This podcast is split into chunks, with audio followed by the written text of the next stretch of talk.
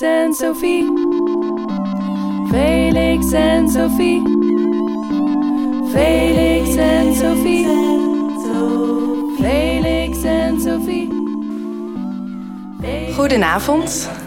Leuk dat jullie allemaal zijn gekomen vandaag, ondanks het uh, mooie weer, naar deze avond over Jean Baudrillard. Uh, misschien kennen jullie mijn stem. Ik uh, maak de podcast voor Felix en Sophie ook.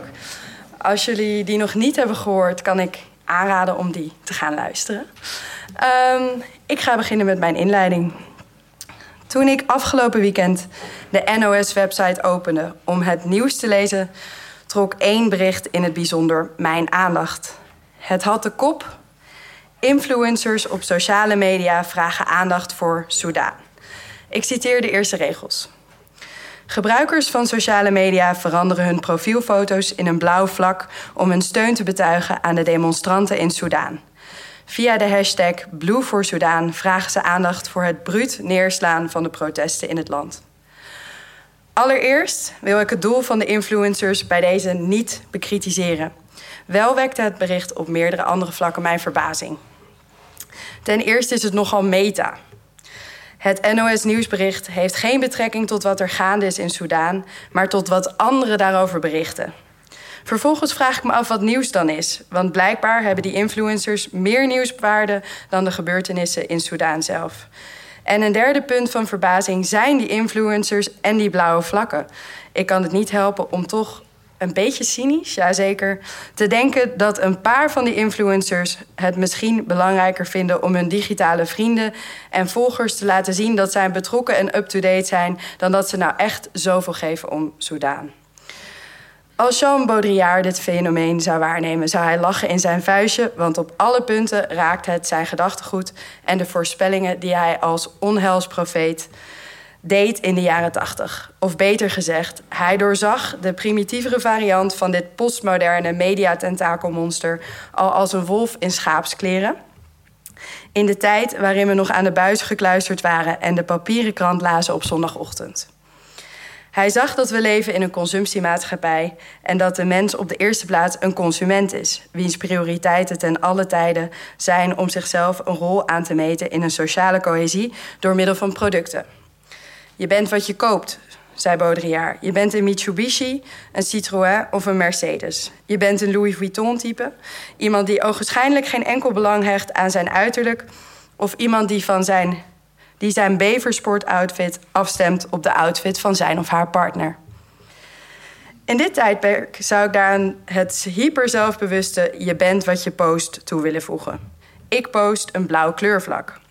Ik ben sociaal betrokken. In al die gevallen gaat het alleen om, in Baudrillards woorden, de tekenwaarde. De sociale status die het vertegenwoordigt en nooit om de productiewaarde. En die tekenwaarde wordt bij dat blauwe vlak wel erg zichtbaar. Een blauw vlak op zichzelf is immers alleen een blauw vlak.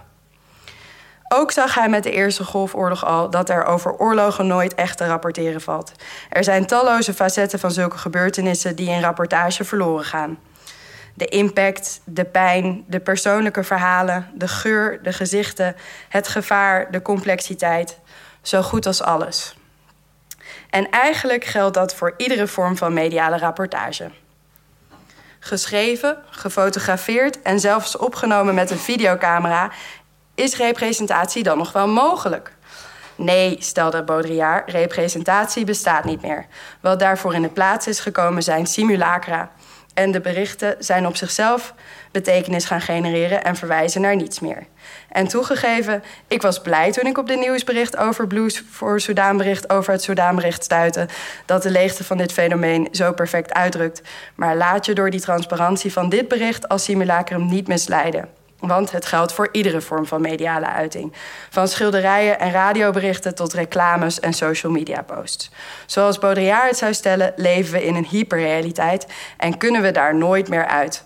En als je de wereld door een Baudrillard-bril gaat bekijken, word je daar best een beetje pessimistisch van. Vanavond zullen drie Baudrillard-kenners dit podium betreden om hun visie op zijn werk met ons te delen. Filosoof Frank van de Veren, schrijver van de erotische roman De Bloeiende Agatha. zal als eerste zijn licht laten schijnen over Baudrillards theorieën. Hij is speciaal voor deze avond uit zijn woonplaats Gent gekomen, waar hij doseert aan het KASK. Vervolgens is het woord aan Daniel de Zeeuw, die momenteel promoveert aan de Amsterdam School for Cultural Analysis en nieuwe media doseert aan de UVA. Hij zal het hebben over Baudrillards kritiek op het vervreemdingsvertoog en een Baudrillariaanse visie geven op fake news en het post-truth-vertoog in de context van digitale media. Dan is er een kwartiertje pauze. Na de pauze doet Frank Mulder het woord. Hij is journalist bij onder andere De Groene Amsterdammer en Filosofie Magazine en schrijver van De Geluksmachine. Hij zal Umberto Eco's kijk op hyperrealiteit gebruiken om hedendaagse casussen onder de loep te nemen en geeft daarbij een pleidooi voor hernieuwde realiteit. En tot slot gaan wij over deze thematiek discussiëren. Ik geef nu eerst het woord aan Frank van de Veren. Applaus.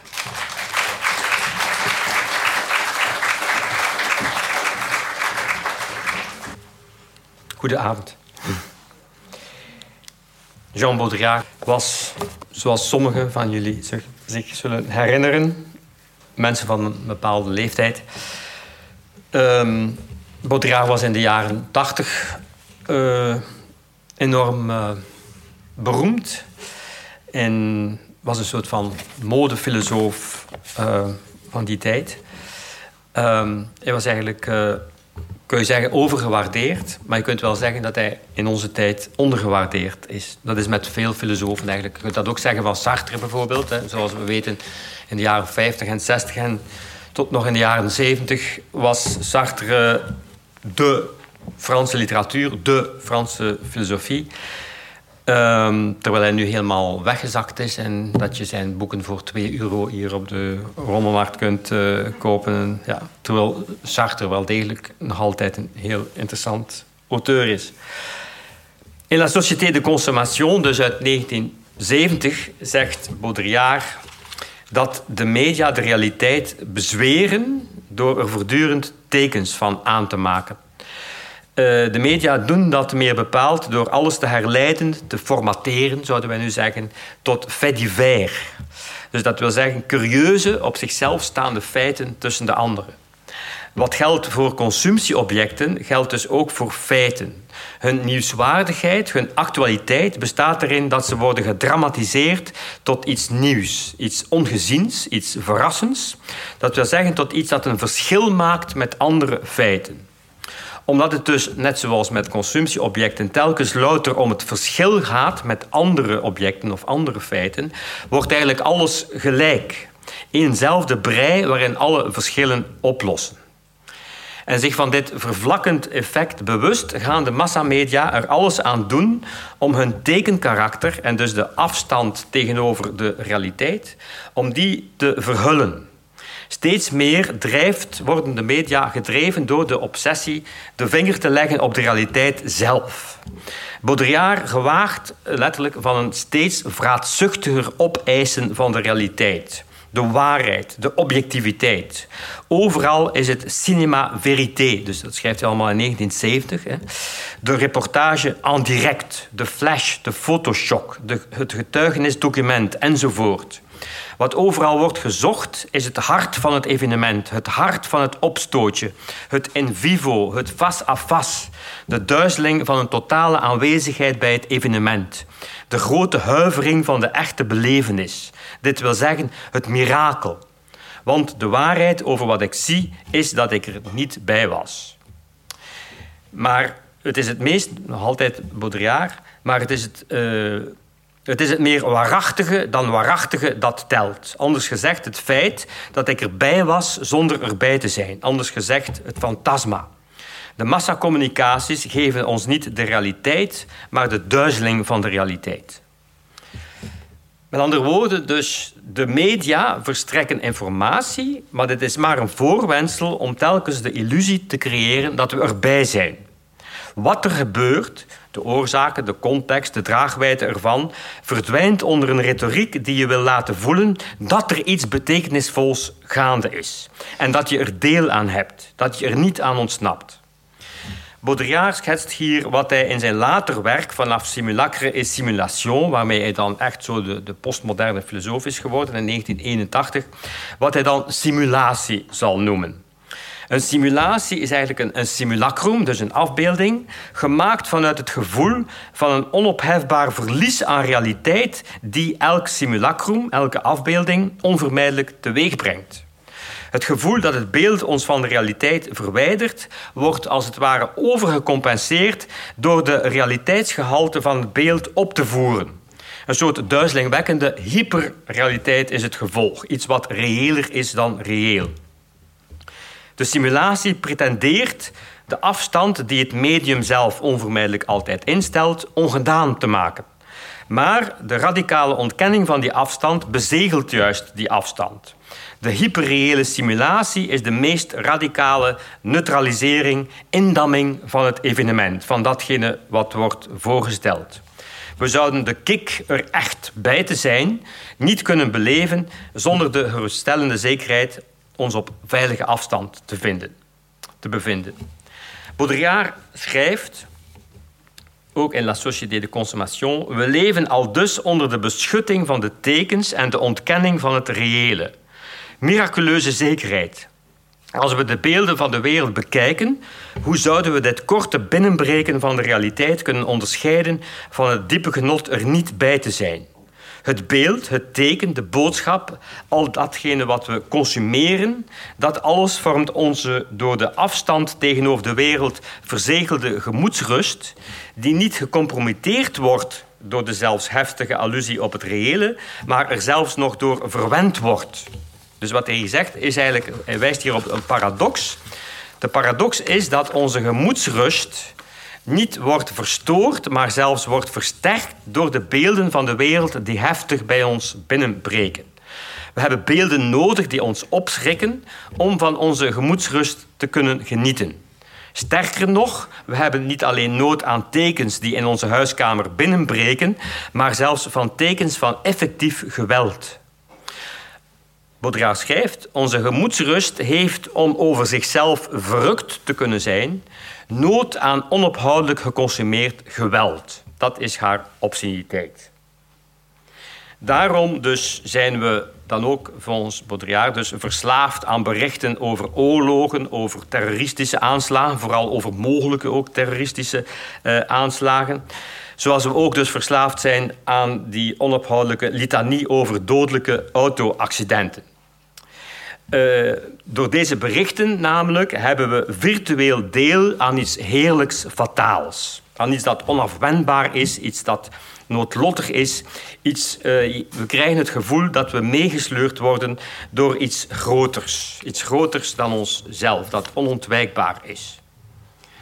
En in zijn later werk, bijvoorbeeld in L'échange symbolique et la mort, dat eigenlijk een beetje zijn hoofdwerk is en dat dan ook door niemand wordt gelezen, uh, heeft, schetst, hij dit, dit in de context eigenlijk van onze relatie, de relatie van de moderne mens tot de dood.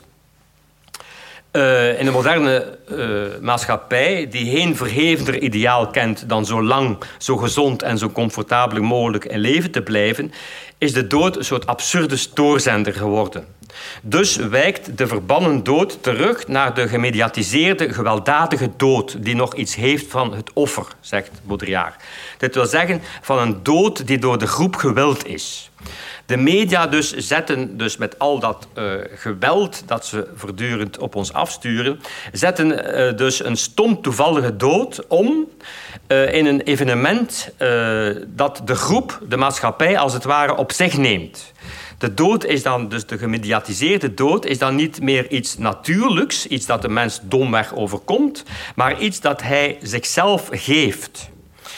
In, de zin, in die zin heeft de gemediatiseerde cultus van het auto-accident bijvoorbeeld, hij schrijft daar vaak over, en dat is natuurlijk wel het auto-accident nog in de jaren 60 en 70 enzovoort, was nog iets anders dan uh, vandaag. Dat had nog iets sexy, hè, het auto-accident, zoals bij James Dean uh, enzovoort.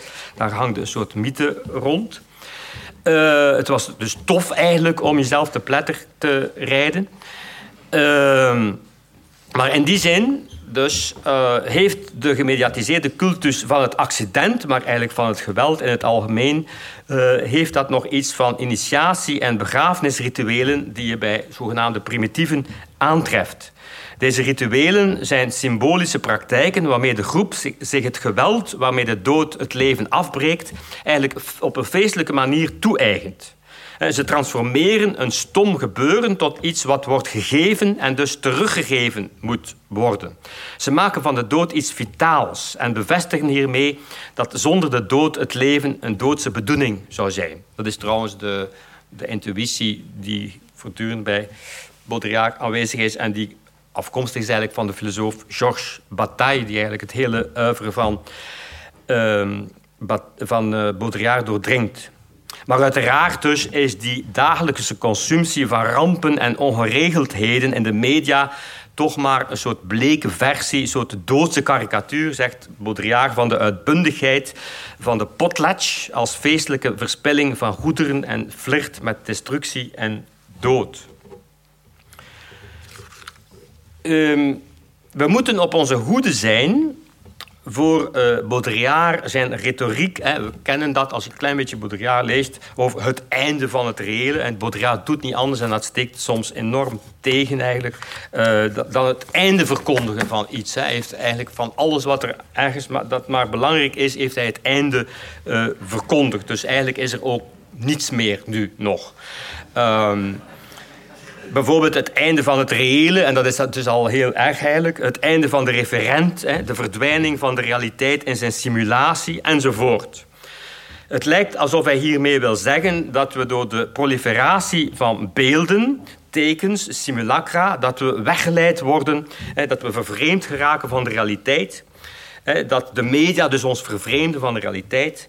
Wat dan zou impliceren dat we opnieuw een soort authentieke ervaring van die realiteit zouden moeten terugvinden. Uh, het probleem is dus, Baudrillard is daarvoor Nietzscheaan genoeg ook, zijn tweede grote uh, inspiratie. Uh, hij gelooft niet echt in de realiteit. Ongetwijfeld is er daar ergens een realiteit, maar we leven nooit in de realiteit. Ons realiteitsbesef het gevoel dat we in de realiteit staan, is altijd bemiddeld door beelden die we ons van die realiteit vormen. De realiteit, wat we als reëel ervaren, komt altijd tot ons als iets dat achter en tussen zijn verschijningen aanwezig is. Aanwezig in zijn afwezigheid. Het, uh, de realiteit, zegt hij, is een voorraad. Uh, het is altijd een voorraad aan imaginaire, zegt hij, die de realiteit zijn specifiek gewicht heeft.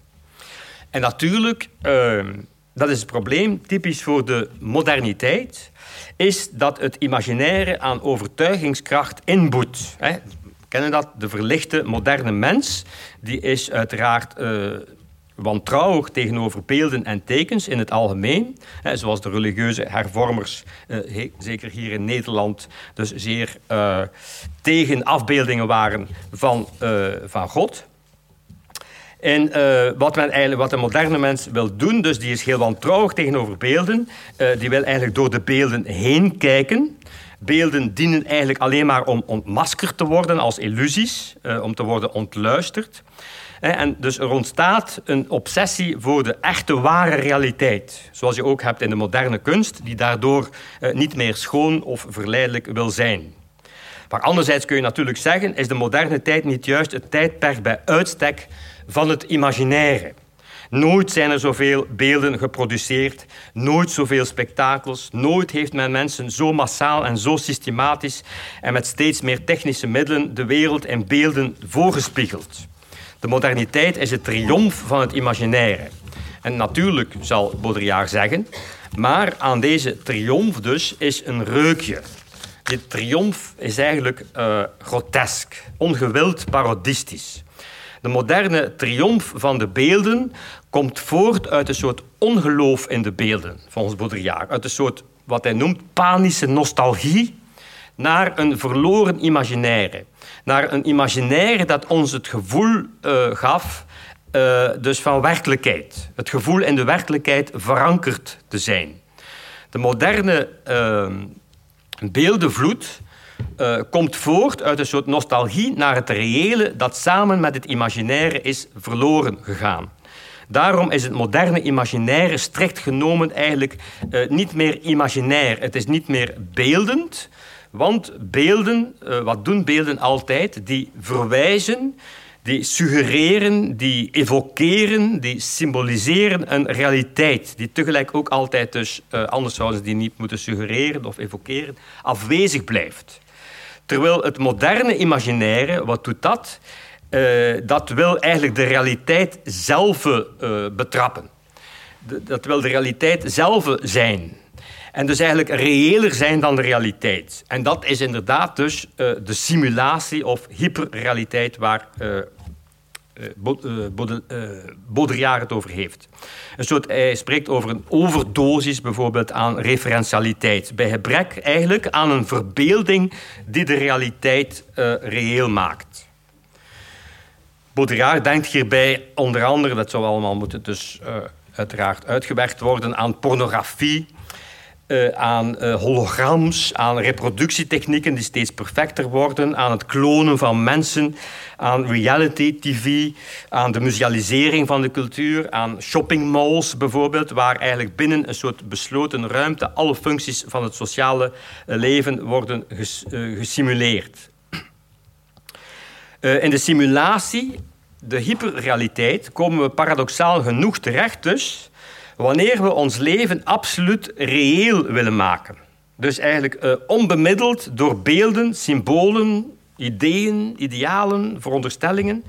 Dus de simulatie is niet zomaar een bepaald soort teken ook voor uh, Baudrillard. Het is een bestaansvorm geworden. Het is een soort dwingende imperatief dat ons onophoudelijk in zijn greep heeft, namelijk de imperatief dat we ons leven niet mogen missen. Dat we het uh, elk moment te volle moeten beleven, dat we, er, uh, dat we erbij moeten zijn. Dus niets van wat we doen, denken of voelen eigenlijk mag verloren gaan. We willen er ons van verzekeren dat het wel degelijk gebeurt, dat het werkelijk is. Dat is iets wat, wat ook de late Baudrillard, dat is wel grappig ook, en veel zegt dus dat wij uh, niet meer geloven dat we... We geloven niet meer in de realiteit. We geloven niet meer dat we zelf bestaan. En daarom dus, daarom, vandaar die, die, die bijna dwangneurotische obsessie om alles uh, wat ons overkomt, alles wat we voelen, alles wat we denken, alles wat we meemaken, vast te leggen, te registreren. En Baudrillard formuleert deze imperatief op een gegeven moment zo, in, denk ik in de, um, Le Crime Parfait. Hij schrijft dat, dus dat imperatief eigenlijk van de simulatie leef je leven in reële tijd. Leef en leid direct op het scherm. Denk in de reële tijd. Je denken wordt onmiddellijk gecodeerd door de computer. Voer je revolutie in reële tijd. Niet op straat, maar in de opnamestudio. Beleef je liefdespassie in reële tijd, met de video geïncorporeerd tijdens zijn hele afwikkeling. Dring tot je lichaam door in reële tijd. Endovideoscopie, het stromen van je bloed, je eigen aderen, alsof je erbij was. Dus alles wat we doen, alles wat ons overkomt, moet worden omgezet in zuivere informatie. En dat is wat de televisie dus en de nieuwe media dus steeds meer doen, hè, sinds de jaren 60 en 70. En het wordt steeds erger. Ze brengen ons geen spektakel dat we als toeschouwers aangapen, maar ze nodigen ons eigenlijk uit tot autosimulatie. Ze zorgen ervoor dat we onze eigen levens acteren, onze eigen levens naspelen. Ze willen dat we voor de camera helemaal onszelf zijn alsof er geen camera zou zijn. En Simulacre et Simulation uit 81 wijst Baudrillard op de eerste reality show in 1971. Schijnt dus de eerste. Een zekere uh, familie Loud dus werd drie maanden lang onophoudelijk gefilmd. En de regisseur die zei hierover... Ze hebben dus de Louds hebben geleefd uh, alsof wij, dus de filmploeg, er niet waren. Dat is een doordenkertje eigenlijk. Baudrillard noemt deze formule absurd, paradoxaal, zegt hij, en utopisch vooral. Alsof wij er niet waren, zegt hij, wil eigenlijk zeggen alsof jullie kijkers er waren. Dus doordat de filmploeg dus er uh, zogezegd niet was, waren de toeschouwers, dus wij, er zogezegd werkelijk bij. Dat wil zeggen, zonder toeschouwer te zijn. Dus zonder medium, zonder beeldvorming, zonder spiegeling, zonder commentaar, zonder interpretatie. Dus wij toeschouwers bevonden ons als het ware aan de andere kant in de scène. En dat is dus de utopie van het medium dat zichzelf als medium opheft van een totale duizelingwekkende transparantie. En volgens Baudrillard kun je hier zelfs, hè, we hadden het daarnet nog over uh, Guy Debord, La Société du Spectacle, uh, de situationisten. Volgens Baudrillard kun je eigenlijk hier niet meer spreken over de spektakelmaatschappij, waarin ons van bovenaf bepaalde modellen worden voorgespiegeld en waarin je een duidelijke scheiding hebt tussen spektakel en toeschouwer. Uh, nee, de toeschouwer zelf is het model geworden. Dus de louds in dit geval uh, incarneren de doorsnee mens. Ze incarneren eigenlijk ons. We kijken niet meer naar de televisie. Geïdentificeerd met de louds, met die modelfamilie, worden wij door de televisie bekeken. Ondertussen heeft natuurlijk de reality TV vergaand de beeldbuis ingepalmd in allerlei duizenden gedaantes. En op internet zijn er nu uh, miljoenen mensen, zoals we weten, zichzelf dus aan het uh, filmen. Maar daar gaat Baudrillard in zijn latere werk in de jaren 90 eigenlijk niet uh, op in. Hij veronderstelt dat als... Ja, dat is verondersteld voor hem. Hij gaat ook niet in op het feit dus dat we steeds meer ongewild door camera's gevolgd worden. Wezenlijk voor hem is uh, dat we, zoals hij letterlijk zegt, allemaal een virtuele camera in ons hoofd hebben. Dus we hebben geen medium meer nodig waarin ons leven in reële tijd wordt gesimuleerd. Hij zegt, elk leven telepresenteert zichzelf. Hij zegt ook, uit eigen wil bewegen we ons in de wereld als in een synthetisch beeld. We hebben onze ontvanger ingeslikt. Anders gezegd, we informeren ons voortdurend over onszelf, over hoe het met ons gesteld is. Onze gezondheid, ons welzijn, ons sociaal functioneren, ons liefdesleven. En dat is natuurlijk, zegt dat allemaal voordat er apps bestonden waar je, waarmee je dus voortdurend kunt testen, je hartslag maar, eh, en, en duizend andere dingen. Uh, we informeren ons over onszelf. Klinkt eigenlijk nog te onschuldig. Het is veel ingrijpender. We vertalen onszelf. We zetten onszelf voortdurend om in informatie. We brengen ons leven steeds meer door als ontvangers van informatie over onszelf. We acteren ons leven op een virtueel geïnterioriseerd scherm, waarop we onszelf eigenlijk voortdurend testen. Baudrillard beschouwt het wat hij noemt banaal ritueel van de transparantie als een vorm van terreur. Het is niet meer de vervreemding van het spektakel, dat nog een soort afstand uh, veronderstelt. Je kunt nog zeggen, wat voor stomme rekenen zijn dat daar? Uh, dus het spektakel veronderstelt een afstand in de ruimte, maar ook in de tijd, het tijdsinterval. Uh, het spektakel heeft nog ergens een, een, uh, een, ruimte voor interpretatie, voor verwerking, voor kritiek.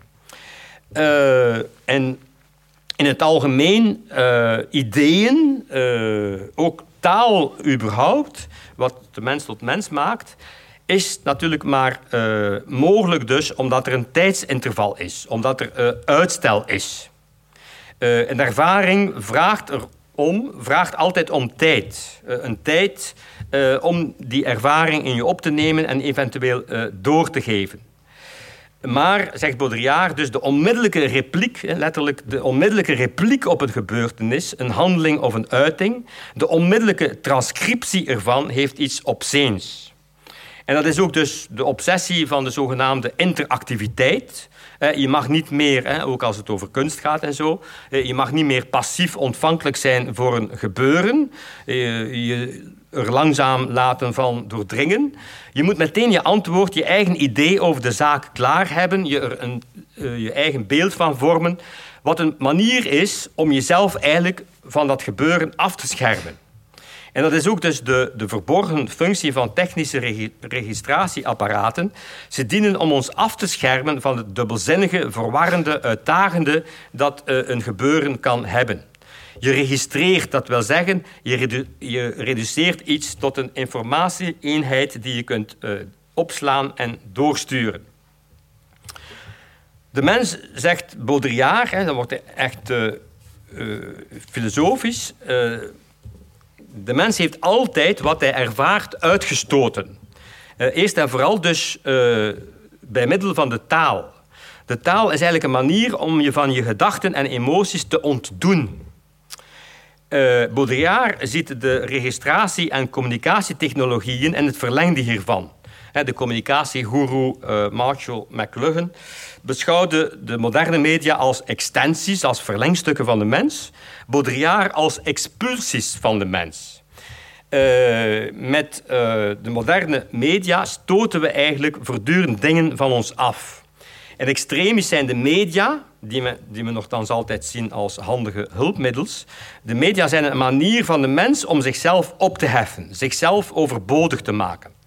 De hedendaagse obsessie om de eigen toestand voortdurend te checken en te meten, om de eigen ervaringen onmiddellijk in informatie om te zetten, om zichzelf als het ware uh, op te lossen, te dematerialiseren tot informatie, wijst op het verlangen, uh, dat Baudrillard metafysisch durft noemen, het verlangen om er niet meer te zijn, maar om alleen nog maar te zien, op een zuivere manier, dat wil zeggen niet aangetast door onze eigen waarneming en denken waarin altijd illusies binnensluipen. Dit verlangen enkel nog te zien, een zuivere blik te worden, is een verlangen zijn eigen afwezigheid te overleven. Een verlangen naar onsterfelijkheid. Maar deze onsterfelijkheid impliceert natuurlijk de verdwijning van de mens. De mens offert zijn eigen bestaan eigenlijk voortdurend op ten gunste van een posthumaan bestaan van loutere contemplatie. En dat is dus het fantasma dat volgens uh, de Baudrillard de techniek uh, drijft. Uh, ook al beschouwen we dus de, de techniek als een, als een instrument waarmee we de wereld naar onze hand uh, zetten. Met de techniek ontlast de mens zich van de zwaarte van zijn bestaan door zijn bestaan te delegeren naar artificiële wezens die helemaal autonoom functioneren, zichzelf programmeren. En deze posthumane wezens realiseren ons verlangen geen wil meer te hebben. Uh, ze ontlasten ons van, on, van ze ontlasten ons van de last een eigen wil te hebben en de verantwoordelijkheid die daaraan vasthangt. Deze wezens, deze artificiële wezens, nemen alle levensfuncties van ons over, maar dan natuurlijk veel performanter, veel efficiënter eh, en zichzelf eindeloos reproducerend klonend. De mens kijkt uit dus naar deze toekomstige wezens die hem zullen hebben vervangen en kijkt eigenlijk met de koude, goddelijke blik van die wezens op zichzelf uh, terug. En dan ziet hij zichzelf natuurlijk als een soort van uh, dysfunctioneel, caduc wezen, getekend als hij is door seksualiteit en dood en alle gekkigheid en kwaadaardigheid die daarmee is verbonden. Want dat is natuurlijk wat hem blijvend van elke denkbare machine onderscheidt. Een machine functioneert alleen maar maar hij kent niet, zoals de mens, het genot, de dronkenschap van het functioneren zelf, eh, dat eigenlijk elk functioneren ontregelt. Dit klinkt apocalyptisch, maar het is eigenlijk ook gewoon erg banaal. Baudrillard geeft het voorbeeld van een videorecorder die films opneemt. Trouwens, een voorbeeld dat later door uh, heel veel is uh, uitgemolken. Ik weet niet of hij het van Baudrillard heeft. Eh, dit is de, de, de, de videorecorder die films opneemt, is een alledaags voorbeeld van uh, hoe technologie ons ontlast. Wanneer we de ene film na de andere opnemen, dan ontslaan we ons van de plicht zelf naar die films te kijken. De recorder kijkt als het ware uh, in onze plaats. Daarmee virtualiseren we letterlijk het genot dat we aan al die films zouden kunnen beleven. We bewaren, sparen dat genot voor later, voor een toekomst die misschien nooit zal komen en misschien hopelijk niet. Baudrillard vergelijkt dit met geld dat je niet spendeert. Het belichaamt een niet geactualiseerd genot. In de machine stockeren we alle ongerealiseerde mogelijkheden en temperen daarmee het verlangen ze te realiseren.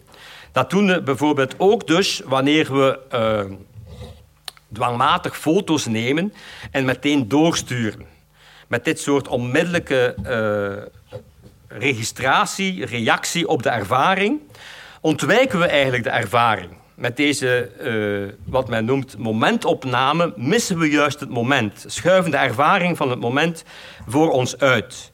De onmiddellijke reactie en interactie komt dus eigenlijk neer, paradoxaal genoeg, op een radicale opschorting. We laten de ervaring over aan de machine. Daarmee vluchten we voor wat er ingrijpend, uitdagend, traumatiserend zouden kunnen zijn aan zou kunnen zijn aan een ervaring. Eigenlijk streven we hiermee dus naar een totale immuniteit, naar een totale saaie onaanraakbaarheid. We worden toeristen van ons eigen leven en hiermee verliezen we, en dat is een, een interessant uh, ja, eh, motief dat heel veel in de late Baudrillard uh, opduikt, namelijk het verlies van het gevoel een eigen, een, nog een lot te hebben, een bestemming te hebben. Ook Hulderlin uh, zei dat al in de tijd, dus typisch voor de moderne mens, is dat hij ohne schiksal is, hè, zonder lot. Het is alsof we niet leven of nog niet leven, maar alsof we hier in de wereld enkel op prospectie komen. Een soort verkennend onderzoek doen. We komen informatie verzamelen eh, over hoe het er hier allemaal eh, aan toe gaat, hoe het hier in zijn werk gaat, hoe het hier allemaal functioneert. Alles is voorlopig, alles is vrijblijvend. We ontwijken alles wat ons leven een onomkeerbare wending zou kunnen geven. Ons het gevoel zou kunnen geven een lot, een bestemming te hebben. Maar juist deze, uh, ja, deze lotloosheid, uh, dat is juist ons, uh, ons lot geworden voor ons jaar. En ja, daar valt inderdaad dus nog veel over te vertellen, maar dat zullen zeker de volgende sprekers doen.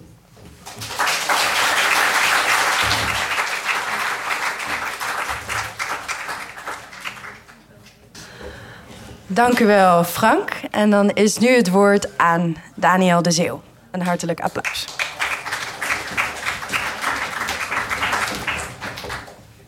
Zoiets kortere presentatie voor mij, denk ik, maar dat vult elkaar dan goed aan. Uh, ik zal langzaam praten. Um, in de beschrijving van deze avond, als jullie die, uh, mochten jullie die gelezen hebben, wordt gesproken van een verloren zijn in onze smartphones en een gevangen zijn in en door media. Dus niet meer de media, maar gewoon media. Digitale media worden verder afgeschilderd als een soort rookscherm voor de echte wereld. En vanzelfsprekend dragen deze termen zoals verloren zijn, niet echt zijn, een impliciete negatieve connotatie. Tegelijkertijd wordt ook erkend dat er eigenlijk geen weg terug is naar de werkelijkheid, wat dat ook mag zijn. Of toch, dat zou dan de vraag zijn van deze avond. Maar volgens mij wordt het normatieve of filosofische kader dat zo'n kritisch oordeel over de huidige staat van onze hyperbemiddelde maatschappij mogelijk gemaakt wat dat, wat dat kader is, zouden we de menselijke vervreemding, dat van de menselijke vervreemding kunnen noemen. Dus het is de in zowel links als rechtse kringen bekende vervreemdingshypothese. Namelijk dat door haar eigen handelingen en de objectivering daarvan in de techniek, die de handelingsbekwaamheid van de mens dan weer verder uitbreidt, en waaronder we gemakshalve de media kunnen rekenen, heeft de mens zich van zichzelf vervreemd. Dat is het metanarratief dat je vaak tegenkomt in uh, kritische uh, uh, theorieën over de huidige media of spektakelmaatschappij. En zoals de beschrijving van deze avond ook getuigt, heeft het huidige discours over de vervreemdende effecten van nieuwe mediatechnologieën op het mens zijn zich Baudrillard's theorie van het simulacrum en de hyperrealiteit toegeëigend. Maar, dat is de vraag die ik zou willen opwerpen in dit plaatje, is Baudrillard's kritiek op de huidige spektakelmaatschappij ook inderdaad verankerd in een mogelijke terugkeer naar het werkelijke. Zoals de vorige spreker al uh, uh, ontkennend beantwoordde. En ik denk dat dat, ik denk dat dat ook klopt. Misschien gaat voor Baudrillard's vroege werk deze interpretatie nog wel op... waar het werkelijke gepresenteerd wordt... Gerepresenteerd wordt door de symbolische uitwisseling... die dan nog een soort alternatief zou zijn voor de uh, totale hyperbemiddeling... de verdwijning van representatie, waarheid, betekenis, etc. Echter lijkt mij deze lezing in de context van zijn latere werk, waar ik mij vooral toe aangetrokken voel, uh, ontoepasbaar. En dit komt, zoals ik zal proberen uit te leggen, door het feit dat Baudrillard's kader zich juist kritisch verhoudt tot wat je zou kunnen noemen een antropologische of humanistische denktraditie, waar dus die eerder genoemde vervreemdingshypothese uiteindelijk haar betekenis en uh, legitimiteit ontleent. Dus ik wil een beetje ingaan op wat die denktraditie zou zijn en hoe Baudrillard zich daar vervolgens toe zou verhouden. En ook waarom dat belangrijk of interessant is om naar te kijken. Uh, in de context van de, de huidige van de thematiek van deze avond. Uh, je zou kunnen zeggen, wat is nou het probleem met die vervreemdingshypothese? Is het niet een uh, handig kritisch instrument om de verschillende gewelddadigheden en onrechtvaardigheden van deze tijd te duiden? er zijn denk ik wel een aantal problemen met die uh, hypothese. Het roept bijvoorbeeld onmiddellijk de vraag op uh, van wat of wie de mens dan vervreemd zou zijn. En het tautologische en daarmee weinig zeggende antwoord op die vraag is de mens zelf. Maar wat is de mens, is dan de irritante volgende vraag. Valt ze niet altijd samen met haar huidige maatschappelijke en historische verschijningsvorm, zoals Marx en anderen uh, dat betoogden? In dat geval zou de mens eigenlijk de vervreemding zelf zijn. Oftewel, dit antwoord leidt tot een paradox in plaats van een tautologie. De mens is in essentie haar vervreemding.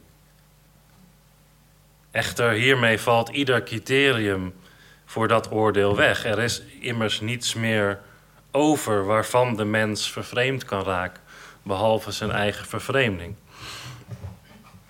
Nou, een ander antwoord dat deze padstelling zou ontwijken, is zeggen dat er wel degelijk bepaalde essentieel en universele menselijke behoeften bestaan wiens mogelijke vervulling in het hier en nu een maatstaf biedt voor het evalueren van maatschappelijke organisatieprincipes. En die principes zouden dan idealiter zijn afgesteld om deze menselijke behoeften optimaal te vervullen. En het idee van een communistische maatschappij, bijvoorbeeld zoals verbeeld door Marx, uh, representeert juist deze mogelijkheid die door het kapitalisme zelf wordt opgeworpen, zelfs als ze niet binnen de door haar gecreëerde productierelatie verwezenlijkt kan worden. Hierbij echter werpt zich opnieuw uh, een filosofisch probleem op. Namelijk, wat zijn dan die historisch invariabele behoeften van de mens? Uh, moeten we dan denken aan puur materialistische uh, zaken, zoals eten en onderdak? Of zouden we ook geestelijke activiteiten onder deze essentiële behoeften moeten scharen? Hier denkt men aan Marx iets wat uh, clowneske beeld van de geëmancipeerde mens die ochtends vist en s'avonds gedichten schrijft. En dan is er natuurlijk ook nog de burgerlijke klopgeest van de autonomie. Die stelt dat de mens onder de invloed van de media geen bepalend sturend subject meer zou zijn, zoals de beschrijving uh, van deze avond ook stelt. En de vervreemdingshypothese, zoals ik die hier uiteenzet, stelt inderdaad dat de ultieme behoefte van de mens uiteindelijk zelfbeschikking is. Een soort formele definitie van, van emancipatie. Dus het gaat er niet zozeer om wat het dan is, maar als je het maar zelf besloten hebt. Een hele grove definitie van autonomie. En dit is toepasbaar op uh, individueel als ook op collectief niveau. Dus een mens dat niet over zichzelf beschikt, is uiteindelijk een vervreemd mens, is identiek aan een vervreemd mens. Overigens, een scepticus, die ik hier zou willen opvoeren, zou wellicht stellen dat het feit dat we het over deze zogenaamd essentiële behoeften niet eens kunnen worden, als een teken beschouwd mag worden dat er ook niet zoiets als essentiële behoeften bestaan. Dan zou het anders niet onmiddellijk voor de hand liggen wat die zouden zijn? En Baudrillard zou, denk ik, sympathie hebben met deze scepticus. In een van zijn vroege werken, uh, vertaald als The Mirror of Production, valt hij de productivistische aannames van het marxisme aan.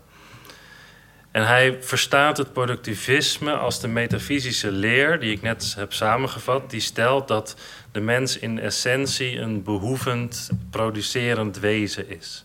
Iets wat denk ik nog steeds voor ons allemaal heel intuïtief, uh, ook al misschien abstract aanvoelt.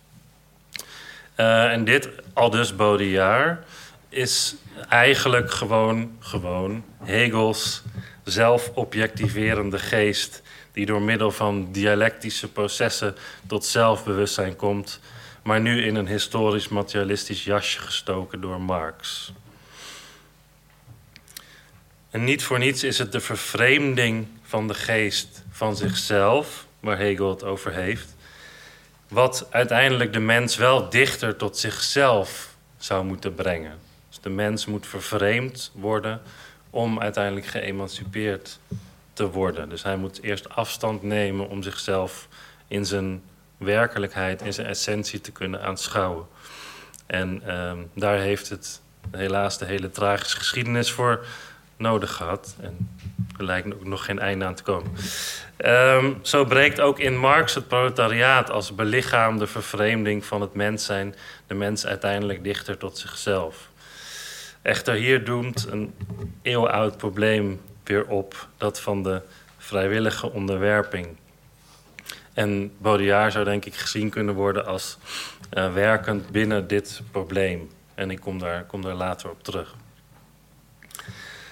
Dus deze uiteenzetting van Baudrillards bedenkingen bij het dominante vervreemdingsdiscours stelt me in staat om te laten zien waarom je zijn observaties over het hyperreële karakter van de media niet zonder meer als dystopisch kunt bestempelen. Uh, in een interview dat hij ooit gaf, karakteriseerde Baudrillard zijn eigen denken als voorbij aan de tegenstelling tussen utopisch en dystopisch. En voorbij aan de tegenstelling tussen optimistisch en pessimistisch. En daarentegen karakteriseert hij zijn eigen theorie als ironisch. Dus hij, hij probeert de ironische dubbelganger van het, uh, het uh, tijdsgevricht te zijn waarin, waarin hij zich bevindt. En hier schijnt, schijnt duidelijk de invloed van de avant-gardistische theatermaker Alfred Jarry, de vader van de patafysica, in door. Dit idee van kritische theorie als, als lachspiegel in plaats van kritische theorie. Um, zo kleeft er ook een bepaalde ironie aan Baudrillards oordeel over het huidige tijdgewicht, waaronder de prominente rol van de massamedia. Uh, ik heb eerder geschreven over de wraak van het object in Baudrillards uh, latere werk. En de wraak van het object is, kort gezegd, de wraak van de massa op de klasse van verlichte pedagoog. Waaronder vallen uh, de politici, de academici, de journalisten, de welzijnswerkers, de, de, de leraren, etc. En ik deel met Baudrillard het idee, het foute idee eigenlijk, dat er een bepaalde uh, poëtische, oftewel puur ironische rechtvaardigheid uh, aan deze wraak ontleend kan worden. Hoe nihilistisch en destructief deze ook is.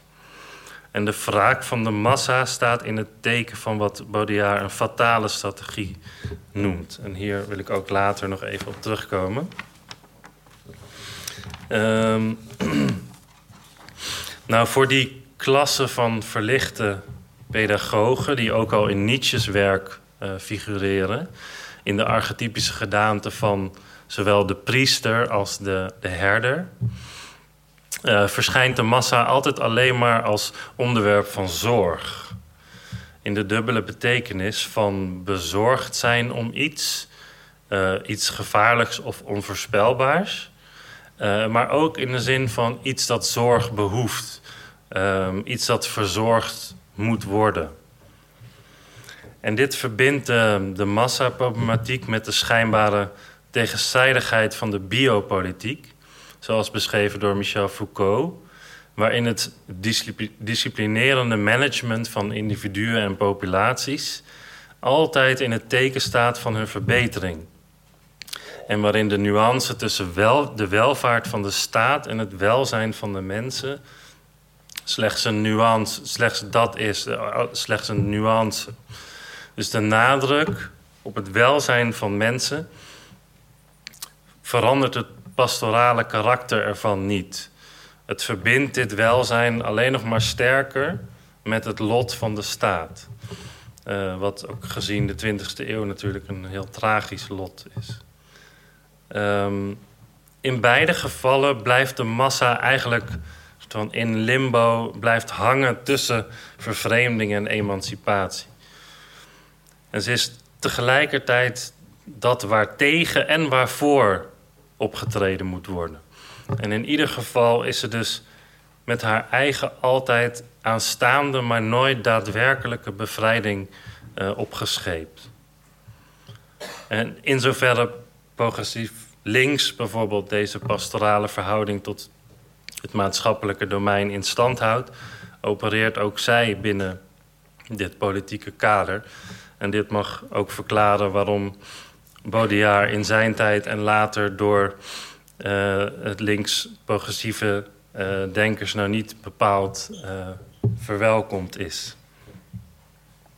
Nou, Baudillards eigen, wat ik zou noemen, antipastorale en ook antibiopolitieke lezing uh, ontwaart in het verloren zijn van de appende massa's.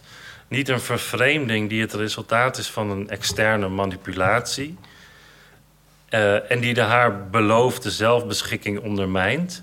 Maar juist een creatieve, ironische obstinaatheid ten overstaande van het biopolitieke verzorgingsdispositief. Een ondermijning dus die uit de massa zelf voortkomt.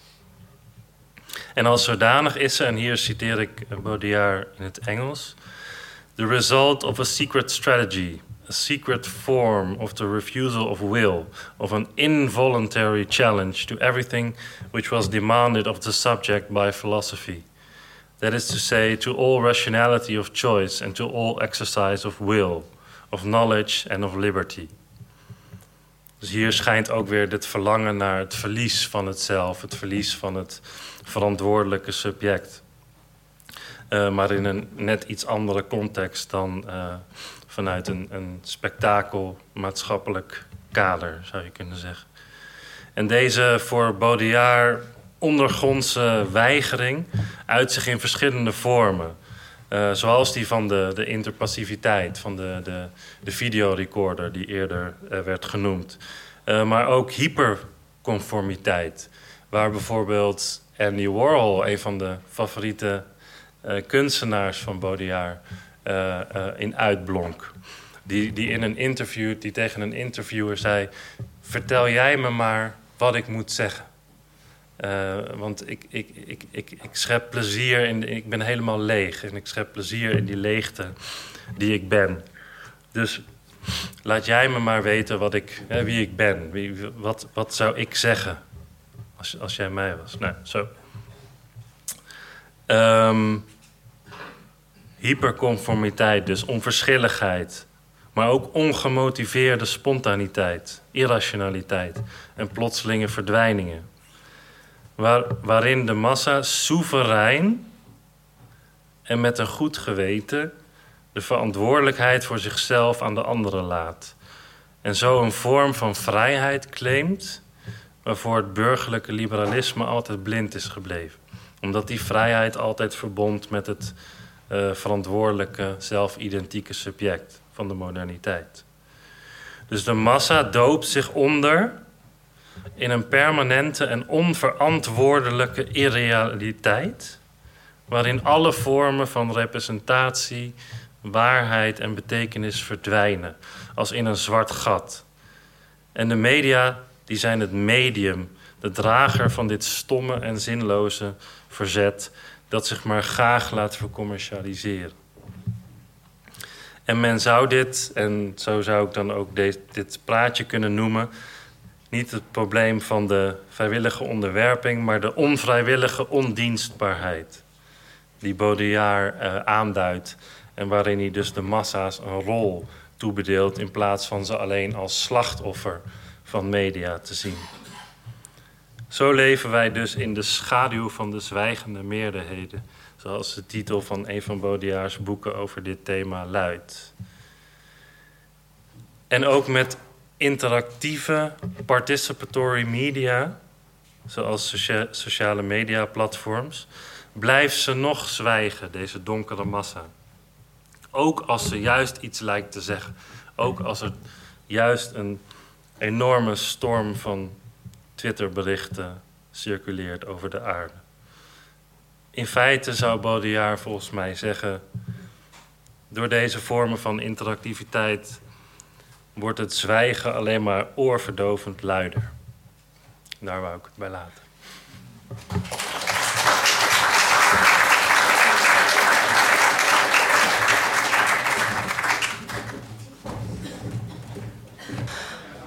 Welkom terug allemaal.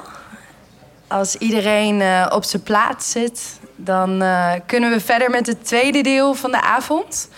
En die wordt afgetrapt door uh, Frank Mulder. Um, waarna wij een panelgesprek zullen beginnen met Frank en de andere lezers van voor de pauze. En daarna is er ruimte voor vragen. Maar nu eerst Frank.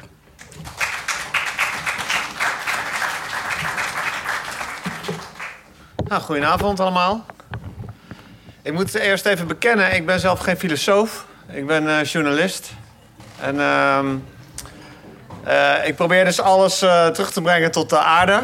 En wat, wat betekent dit nou voor het mens zijn, voor de maatschappij? En misschien zijn filosofen daar wel kritisch over. En dan laten we dan in het debat erover praten of ik dan dingen, dingen te veel versimpel. Maar soms helpt het mij om het beter te begrijpen. Uh, ik, heb zelf, ik werk veel voor de Groene Amsterdammer en uh, ik, heb daar, ik schrijf daar veel over technologie, techniek, economie. En ik zie daar heel vaak dat beelden een eigen leven gaan leiden. En zo kwam ik op uh, een boek van Umberto Eco over hyperrealiteit. Die neemt dat concept van Baudrillard en hij legt uit dat hyperrealiteit eigenlijk een, een soort verbeterde versie van de werkelijkheid is. Dus hij past er niet alleen toe op media of op, op, op, dat, dat, die relatie tussen teken en, uh, en uh, hetgene waar dat teken naar verwijst, dat dat los raakt. Maar ook dat die wereld van tekens, die, dat is eigenlijk door ons gecreëerd omdat wij de wereld willen verbeteren. We zijn eigenlijk niet tevreden. En dat wordt een soort laag boven de echte werkelijkheid. En dan begrijp ik dat je dat helemaal niet, niet zo heel dualistisch kan zien, echt of nep. Maar we krijgen een wereld, die bouwen we met hulp van techniek waarin echt en nep helemaal niet meer zo te onderscheiden zijn. En waar het oordeel over wat is echt, wat is nep, wat is waar, wat is niet waar, dat kunnen wij helemaal niet meer zo goed maken. En ik wil een aantal voorbeelden geven om het praktisch te maken. Ik dacht, je kan niet over hyperrealiteit praten zonder beelden te gebruiken.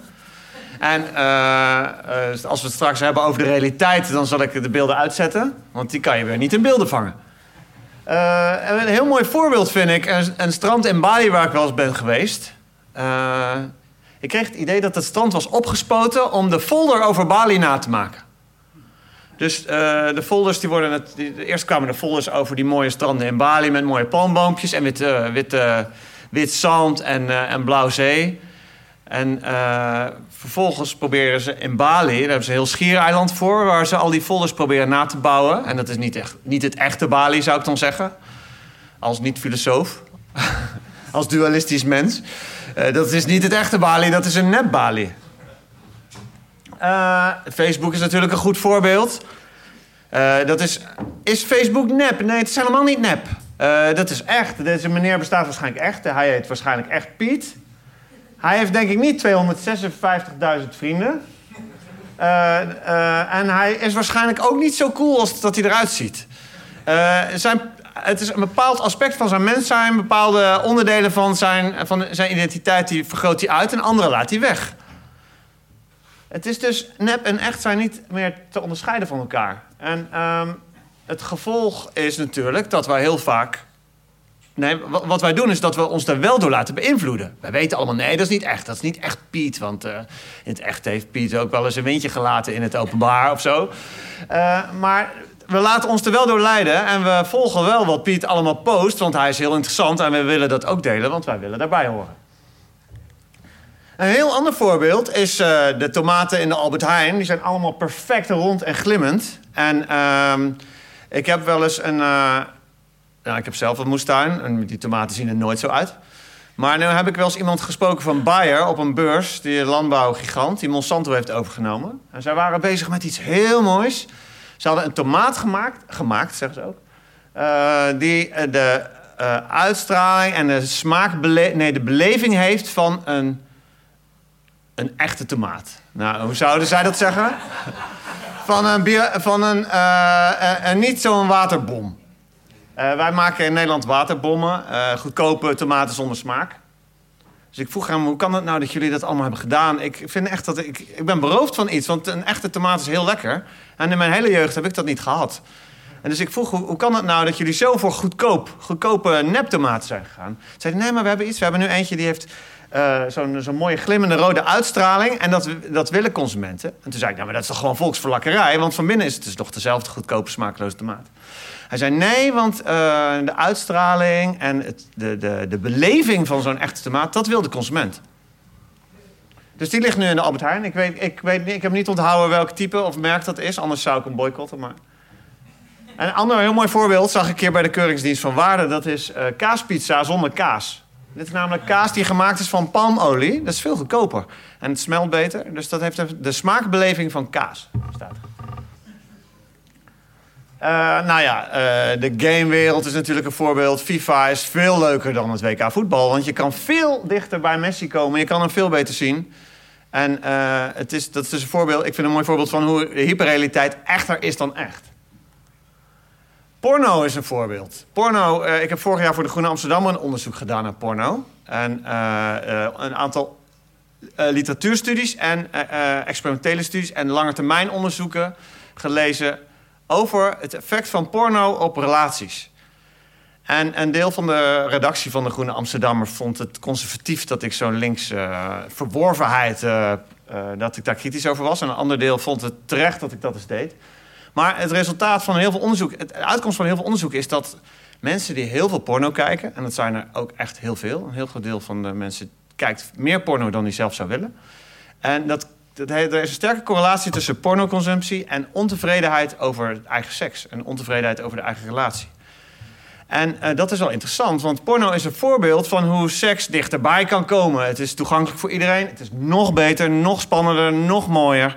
Eh, het heeft ook de neiging om extremer te worden als je er verslaafd aan raakt. Want je wil meer en je kan heel dichtbij komen.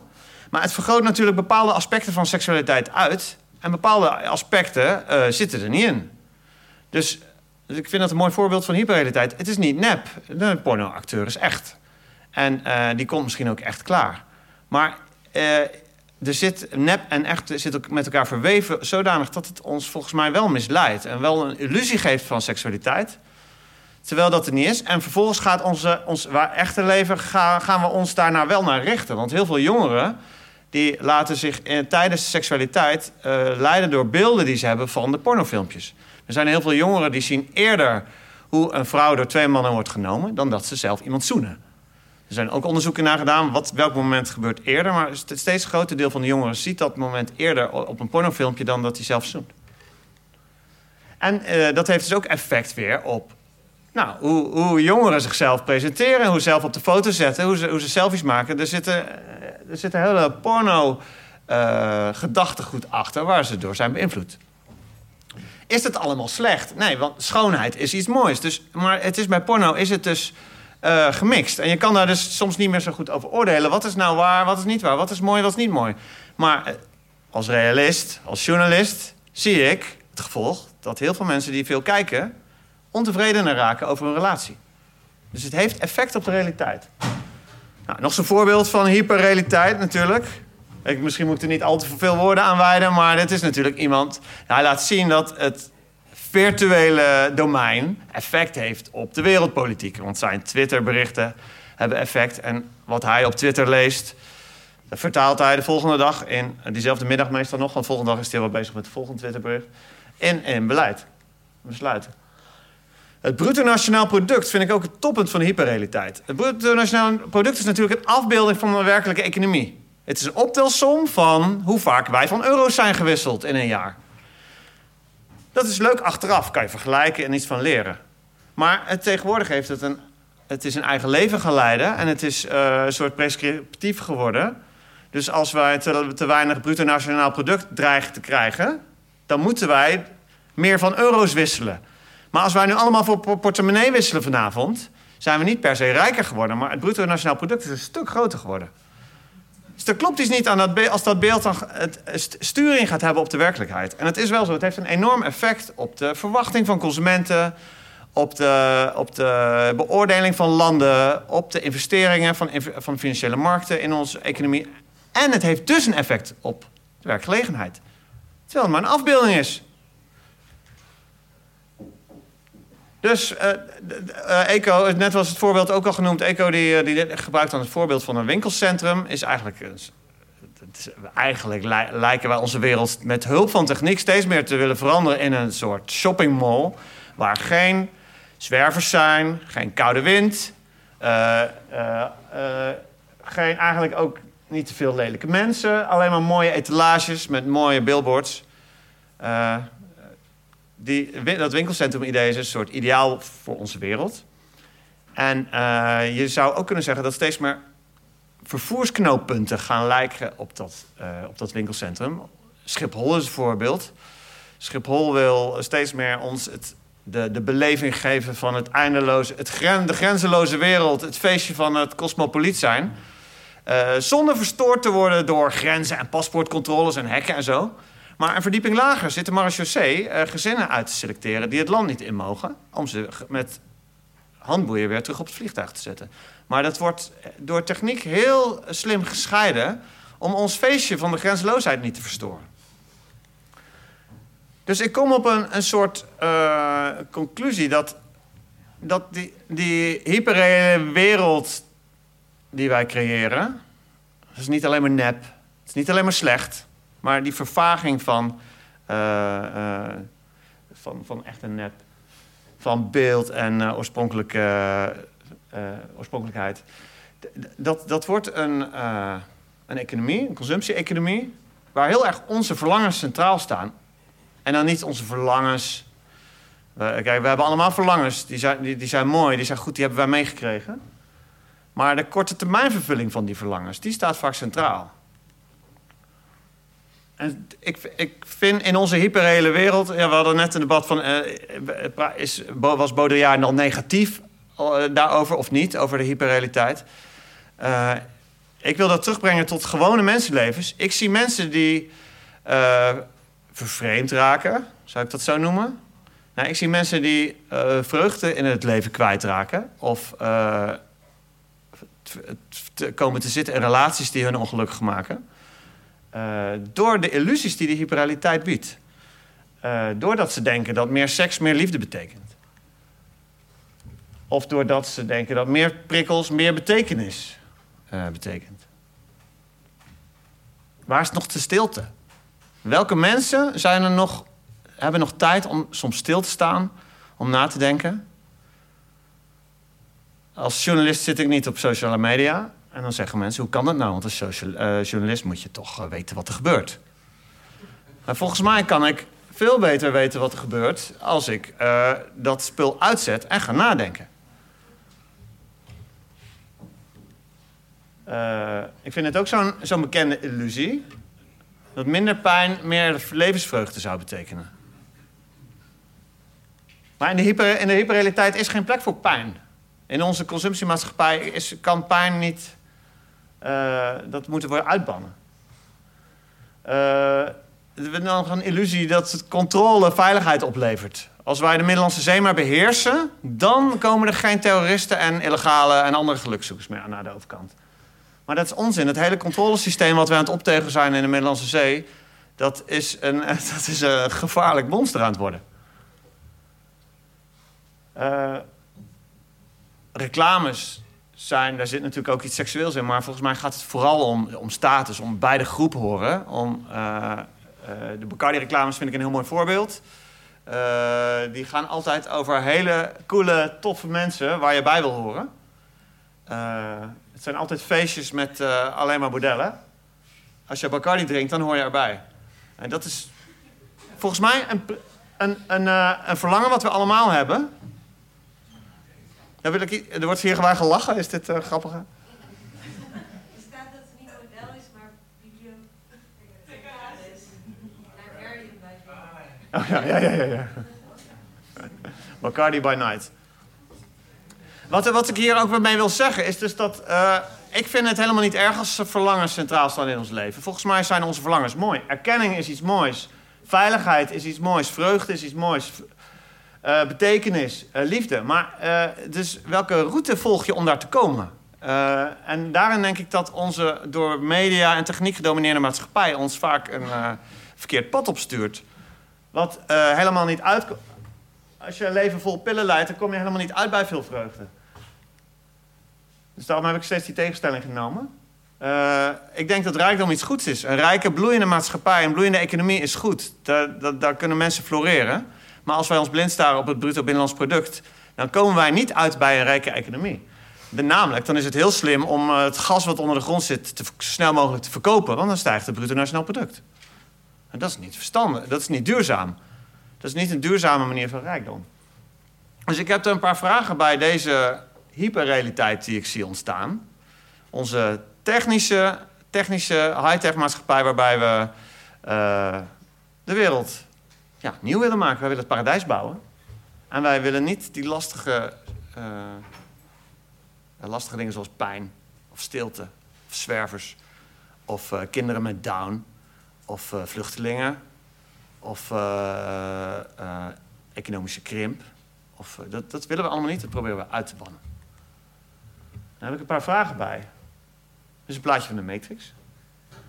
Eh, ik kreeg een commentaar aan het begin dat de Matrix wordt vaak gebruikt als eh, verkeerd gebruikt. Eh, in, in die film staat op een gegeven moment een boek van Baudrillard in de boekenkast. Ik weet niet of wie dat wel eens heeft gezien. Op een gegeven moment komt er een boekenkast in beeld en dan hoe heet het boek ook weer wat daarin staat? Simulacra en...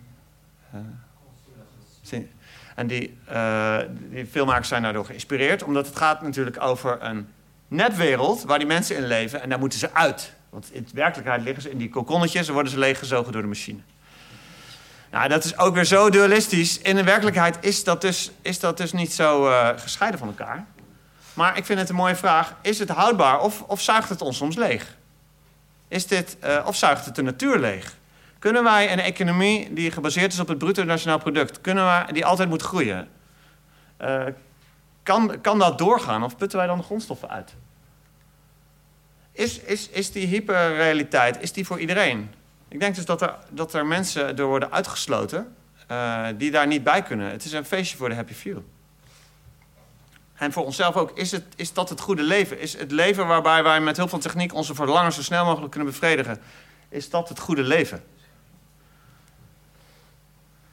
Ik ben zelf geïnspireerd door Jacques Ellul, een Franse socioloog.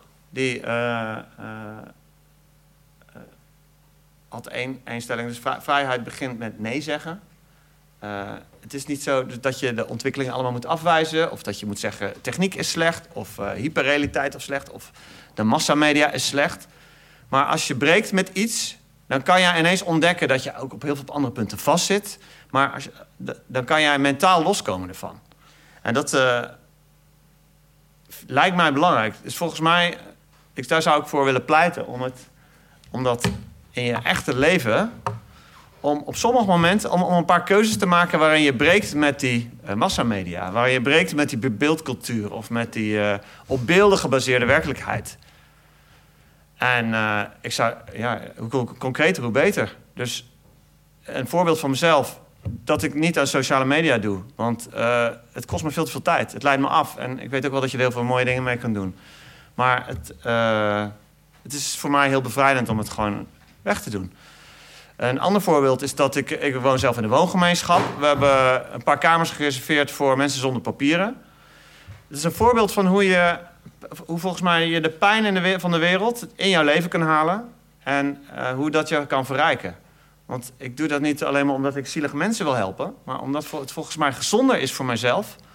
Om, om pijn in mijn leven te hebben. Dus vorige week stond er een gezin uit Azerbeidzjan op de stoep. Zo om zes uur s'avonds. En we, we, hebben, we hebben maar drie kamers en die zijn soms ook maanden bezet. Dus we hebben echt niet een soort eh, inloop. Maar mensen weten dat te vinden. En dus er zijn dus gezinnen uit Azerbeidzjan hier in Nederland... die lopen met, met een kindje van 1 en 3, met autisme, zwaar autisme... die lopen door de stad op zoek naar een plek waar ze kunnen slapen. En dat, eh, die moet ik de deur wijden. Of die mocht één nacht bij ons op de bank... maar de volgende dag die konden niet blijven. Maar doordat... het is niet een soort... eh, ik kan dus niet zo voorschrijven van wat het goede leven is... maar ik merk daardoor, door dit soort voorvallen... dat de, de pijn binnenhalen, de, de beperktheid binnenhalen... De, het, dat, dat bevrijdt mij van een aantal illusies. Dat, mijn, eh, dat het bruto nationaal product echt zo belangrijk is. Dat uh, aan heel veel prikkels dat dat zo belangrijk is. En dat zou ik eigenlijk iedereen willen toewensen. Dus eh, ik zou tegenover hyperrealiteit dus niet zeggen... een wereld zonder techniek of zonder beelden... maar meer het zoeken naar het goede leven. Ik weet niet wat filosofen daarvan zouden zeggen... maar dat kunnen we misschien straks nog... Dank jullie wel.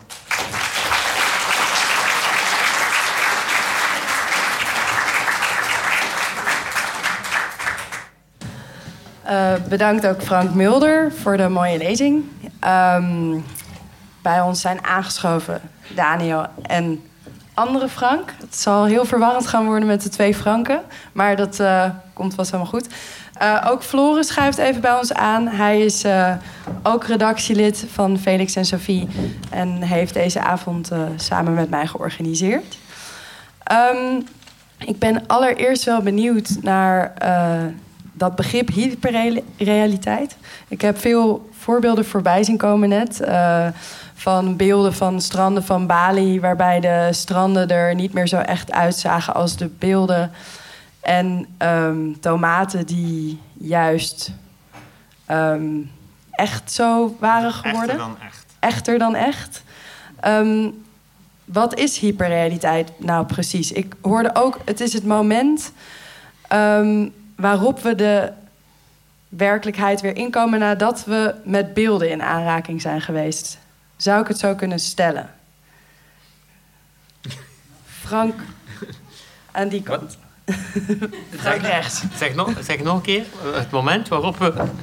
Waarop we weer met ons leven verder gaan als we met beelden in aanraking zijn gekomen. Eh, ehm, zo, zo zou ik niet eh, definiëren, nee. Hmm. Ik- Het voorbeeld van Bali is wel goed. Je hebt een folder, een toeristische folder over eh, het paradijselijke, een paradijselijk strand in Bali. Ehm, die folder is natuurlijk een, eh, een uitsnede. Een, dat is allemaal perfect gekadreerd, eh, professi- professioneel gedaan door een hele goede fotograaf.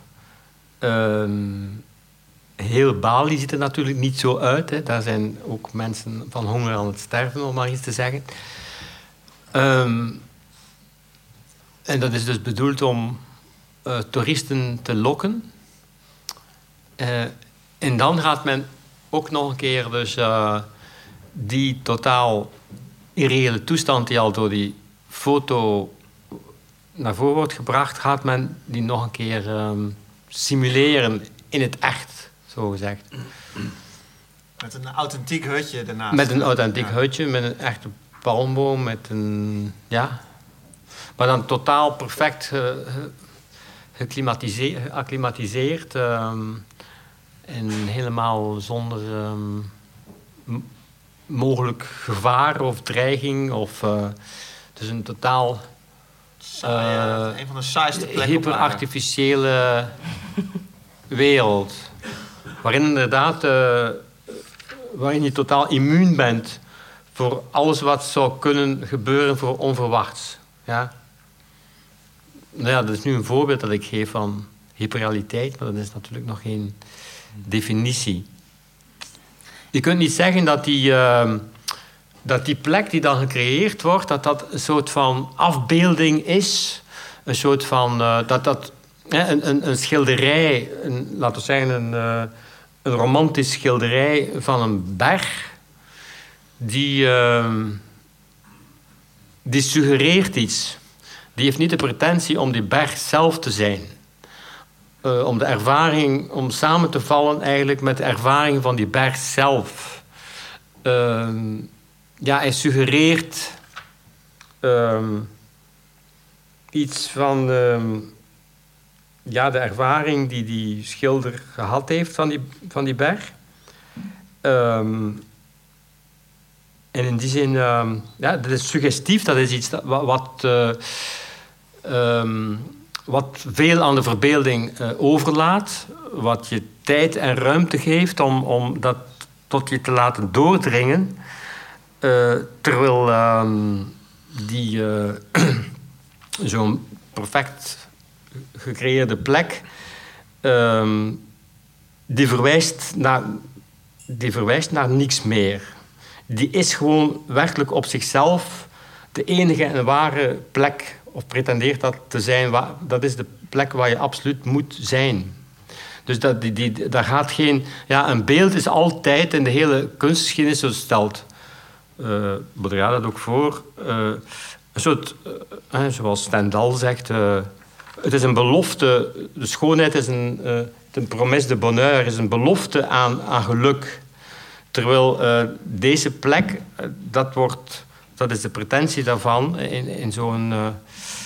in die plek die daar in Bali wordt gecreëerd.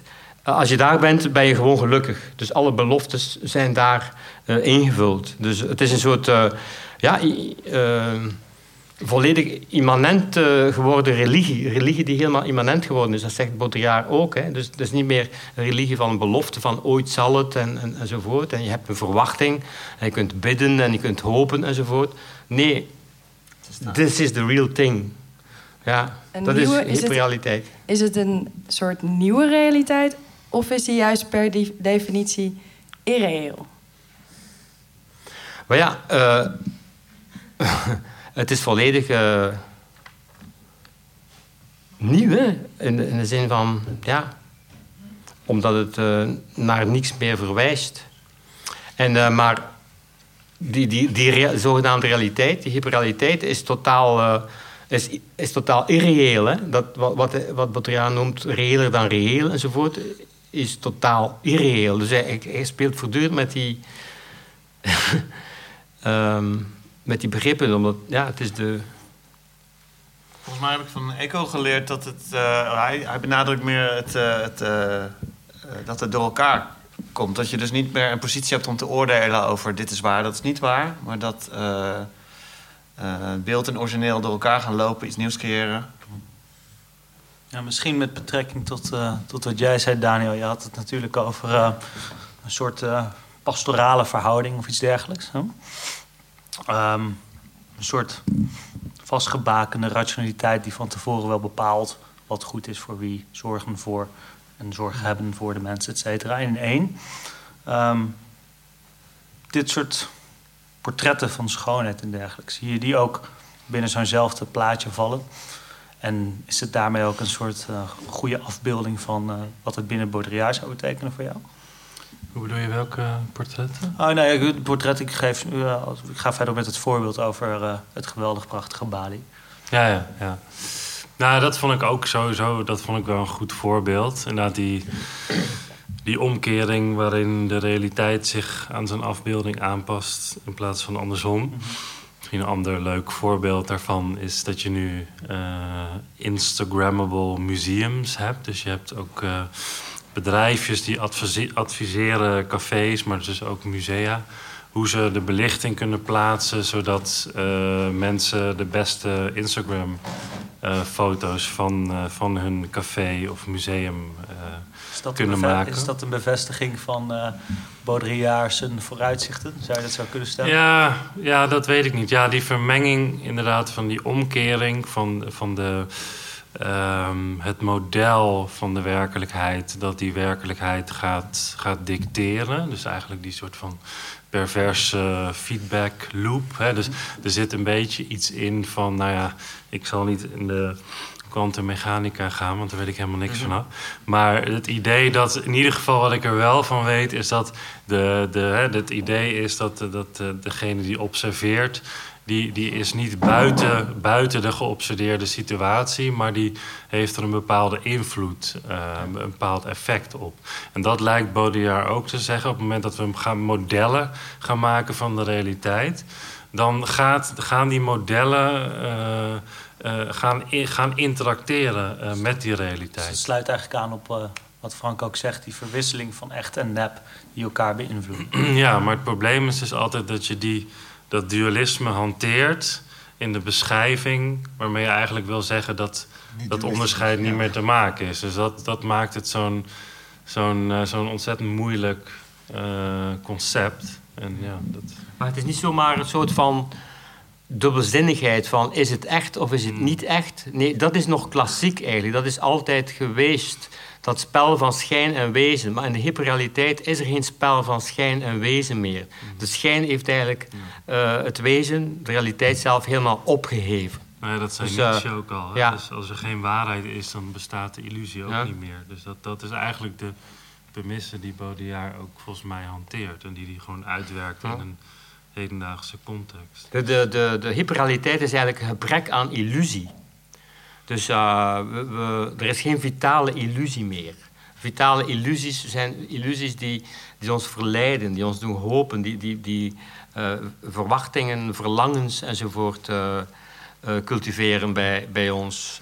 Terwijl zo'n ehm, ja, zo'n resort of zo'n plek eh, wa- waar alles perfect in orde is, dat, dat laat niks meer te hopen over.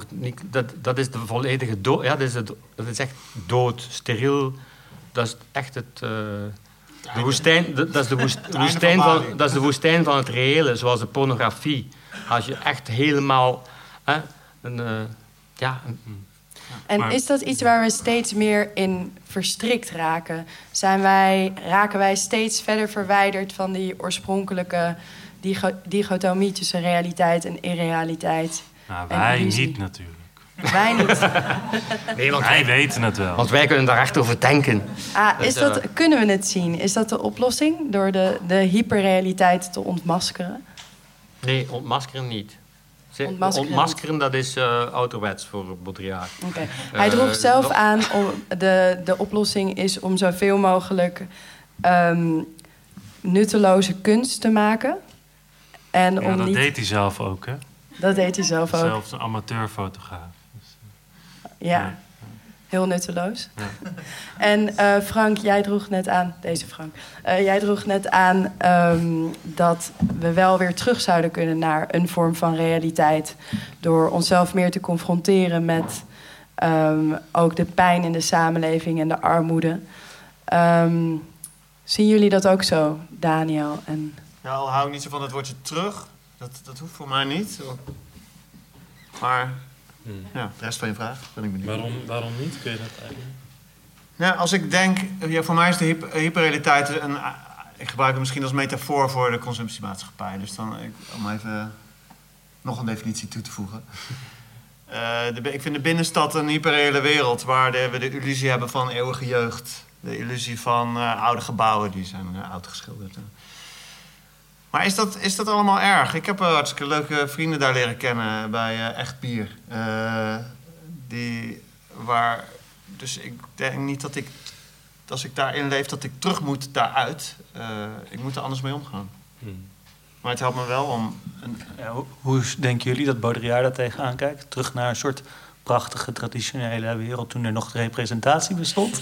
Of is dat één grote drama eigenlijk? Nou ja, daar, hadden we het net ook al wel eventjes over van tevoren. Er lijkt wel een verschil, dit is weer een heel academisch eh, ding natuurlijk... maar een verschil tussen het, vroegere werk van Baudrillard... waarin hij een soort eh, eh, antropologisch perspectief neemt... dat de, de, ja, de, de primitieve, dat kun je eigenlijk niet, eh, niet zeggen... maar voor moderne samenlevingen...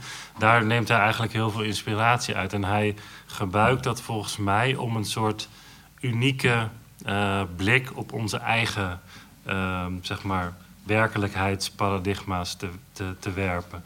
Dus bijvoorbeeld zou je ook kunnen zeggen dat voor moderne beschavingen helemaal geen concept van de realiteit hadden. Pas in de moderniteit wordt de realiteit ook een soort obsessie, zoals jij eh, eh, liet zien.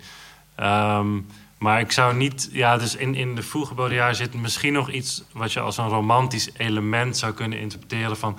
als we maar teruggaan naar die potlatch, naar die, naar die, die ruil, eh, dat, dat batai, eh, Batayaanse eh, utopie van de pure access en de pure expenditure en zo. Eh, dat, dat, dat is eigenlijk de, de, way to go. Eh, en later, en, en dat, daar heb ik eigenlijk meer op gefocust, ziet hij meer een soort ehm, immanente ondermijnende beweging van het mediasysteem. En zou die ook, denk ik, meer willen laten zien dat zo'n zo'n zo'n nep, zo'n nep-eiland op Bali eigenlijk ook een soort eh, medium is voor een pervers eh, plezier van de toeristen die zich daar eh, helemaal los eh, gezongen voelen van iedere vorm van eh, traditie of wereldorde en eigenlijk helemaal verdwijnen in die wereld van tekens. En voor hem is dat niet per se een il- illegitiem verlangen, denk ik. Maar, nee, maar je, je had het natuurlijk uh, aan het slot van je lezing over, uh, over het zwijgen als een oplossing. Ook binnen de context van een soort verlies van een uh, verantwoordelijk subject zou je kunnen stellen misschien. Ik kreeg, uh, bij mij gingen allemaal Bartleby-belletjes rinkelen. Ja, ja dat klopt. Moet ik het zo begrijpen? Of, nou ja, die houding, die, die beschrijft die ironische, soort van onverschillige houding... waarbij het object, waarbij de massa eigenlijk weigert om, om mee te gaan in die double bind. Hè, dus het, het moeten worden opgevoed, het subject, het subject moeten zijn. Maar juist door zich als object op te werpen... Uh, kan het nog enige vorm van soevereiniteit uh, claimen. Ja, dat, maar daar zit geen, geen, geen terugkeer. In die zin is, is Baudrillard ook een hele Nietzscheaanse, uh, bijna accelerationistische denker. In de zin dat hij gelooft dat je door een bepaalde logica heen moet gaan. En er dan aan de andere kant uitkomt. En daar, daar begint eigenlijk iets nieuws. Daar is altijd een omkering. En, en, en dus Baudrillard zou eigenlijk zeggen van door het kunstmatige heen... ja, daar, daar begint weer iets, uh, iets heel nieuws. Maar zijn oordeel, ja, dat... Ik weet niet of ik het helemaal begrijp, maar wat heeft... Kan je dat nog eens zeggen voor iemand die porno verslaafd is? En uh, opgezogen wordt door de hyperrealiteit? Nou ja... Even, even concreet. Ja, concreet is beter. Ja. Daar zijn wij niet echt uh, van. Ja, maar ik kan me voorstellen ja, dat, dat, dat het ook daarvoor geldt. Nou ja, wat ik wel zou zeggen is inderdaad die, die soort van uh, bevrijding van de seksualiteit, van zware noties, van liefde en trouw. Dat was inderdaad eigenlijk een soort ja, belofte ook van de uh, jaren 60, 70. Dus dat seksualiteit een individuele vrije aangelegenheid wordt. En dat idee dat je naar iets kan kijken waar je zelf dus niet bij betrokken bent dat dat een legitieme vorm van ja, plezier kan, kan zijn. Um, wat, ja, wat misschien uh, seksuele praktijken uh, meer los, uh, nog meer loskoppelt van alle soort van klassieke patriarchale noties. En de paradox is natuurlijk dat pornografie vaak die noties zelf re reproduceren. Dat, dat hmm. is wel zo. Maar, maar ja. Maar de, de, de, ramp is, als het gaat over seks, is de ramp dat we juist niet meer in een patriarchale samenleving leven, al lang niet meer. Dus dat we, dus we moeten ons bevrijden. En hij maakt altijd dus die, die uh, analogie tussen uh, ja, de arbeider, volgens Marx, moet zijn productiekracht bevrijden. Hij is vervreemd van zijn eigen productiekracht, hij moet die zich toe-eigenen. Uh, en zo moeten we sinds de jaren 60, laten we zeggen, uh, sinds de seksuele revolutie, moeten we onze seksualiteit, die ook een productiekracht is, die ook zo, zo beschouwd wordt, moeten we dat bevrijden. En, uh, en dat is dus een. Uh, ja, de, de, het, het seksuele in ons is helemaal geen productiekracht. Dat is niet iets productief. Dat is niet iets dat moet uh, worden uh, bevrijd en dus uh, ontbloot en, en, en worden zoveel mogelijk ja, van zijn taboes ontdaan en gerepresenteerd enzovoort. het, is, het is ook niet iets, dat is ook de ramp, dus zeker als, het, als je kijkt naar videoclips enzovoort. Het seksuele is een, is een domein geworden van, uh, waarin je je laat gelden als individu, waarin je je identiteit toont. Waarin je jezelf, waarin je erkenning zoekt, eh, be- bevestiging zoekt, eh, dat, dat je wel degelijk iemand bent en dat je bent wat je bent. Terwijl eh, ja, de Bataviaanse achtergrond van, van Baudrillard zou dan eerder zijn van, ja, nee, het is iets waarin je, dat je per definitie niet beheerst, iets dat je, waarin je jezelf eh, verliest. Het is juist eh, het moment dat je geen identiteit of bijna geen identiteit meer hebt, eh, enzovoort. En bijvoorbeeld is, zijn analyse van, van Madonna is heel eh, interessant, want daar wordt het seksuele. eh, hij vindt eh, Madonna totaal onerotiek. Dat is echt het einde van de erotiek. Om, omdat zij, eh, dus dat is een soort eh, militaristische eh, erotiek, waarin ze eigenlijk alle erotische accessoires eh, van kledij en van eh, SM-accessoires en alle, en alle dingen uit, echt postmodern, alle elementen uit de geschiedenis die ooit voor erotisch hebben gegolden, eh, zij, zij gebruikt dat allemaal en richt dat, als een soort, richt dat tegen zichzelf en vecht daarbij. En, eh, en, toont dat, en, en zij toont dat zij daar meester over is. Zij toont dat zij met al die seksuele tekens, met al die seksuele signalen, perfect kan spelen. En, en, en daar eh, dus perfect, eh, dat, dat zij die beheerst. En dat is het meest onerotische dat je kunt eh, voorstellen. Maar dat, is wel, maar dat vindt hij fascinerend, omdat dat wel... Wat? wat? Ik ga dit, sorry, ik ga dit even afkappen. We moeten echt naar vragen uit de zaal. Want dit was ook de laatste editie voor de zomerstop. Eh, we zijn in september bij jullie terug voor, voor een nieuwe editie. Waar het onderwerp nu nog niet van bekend is. Ehm, een hartelijk applaus voor onze sprekers, de beide Franken en Daniel.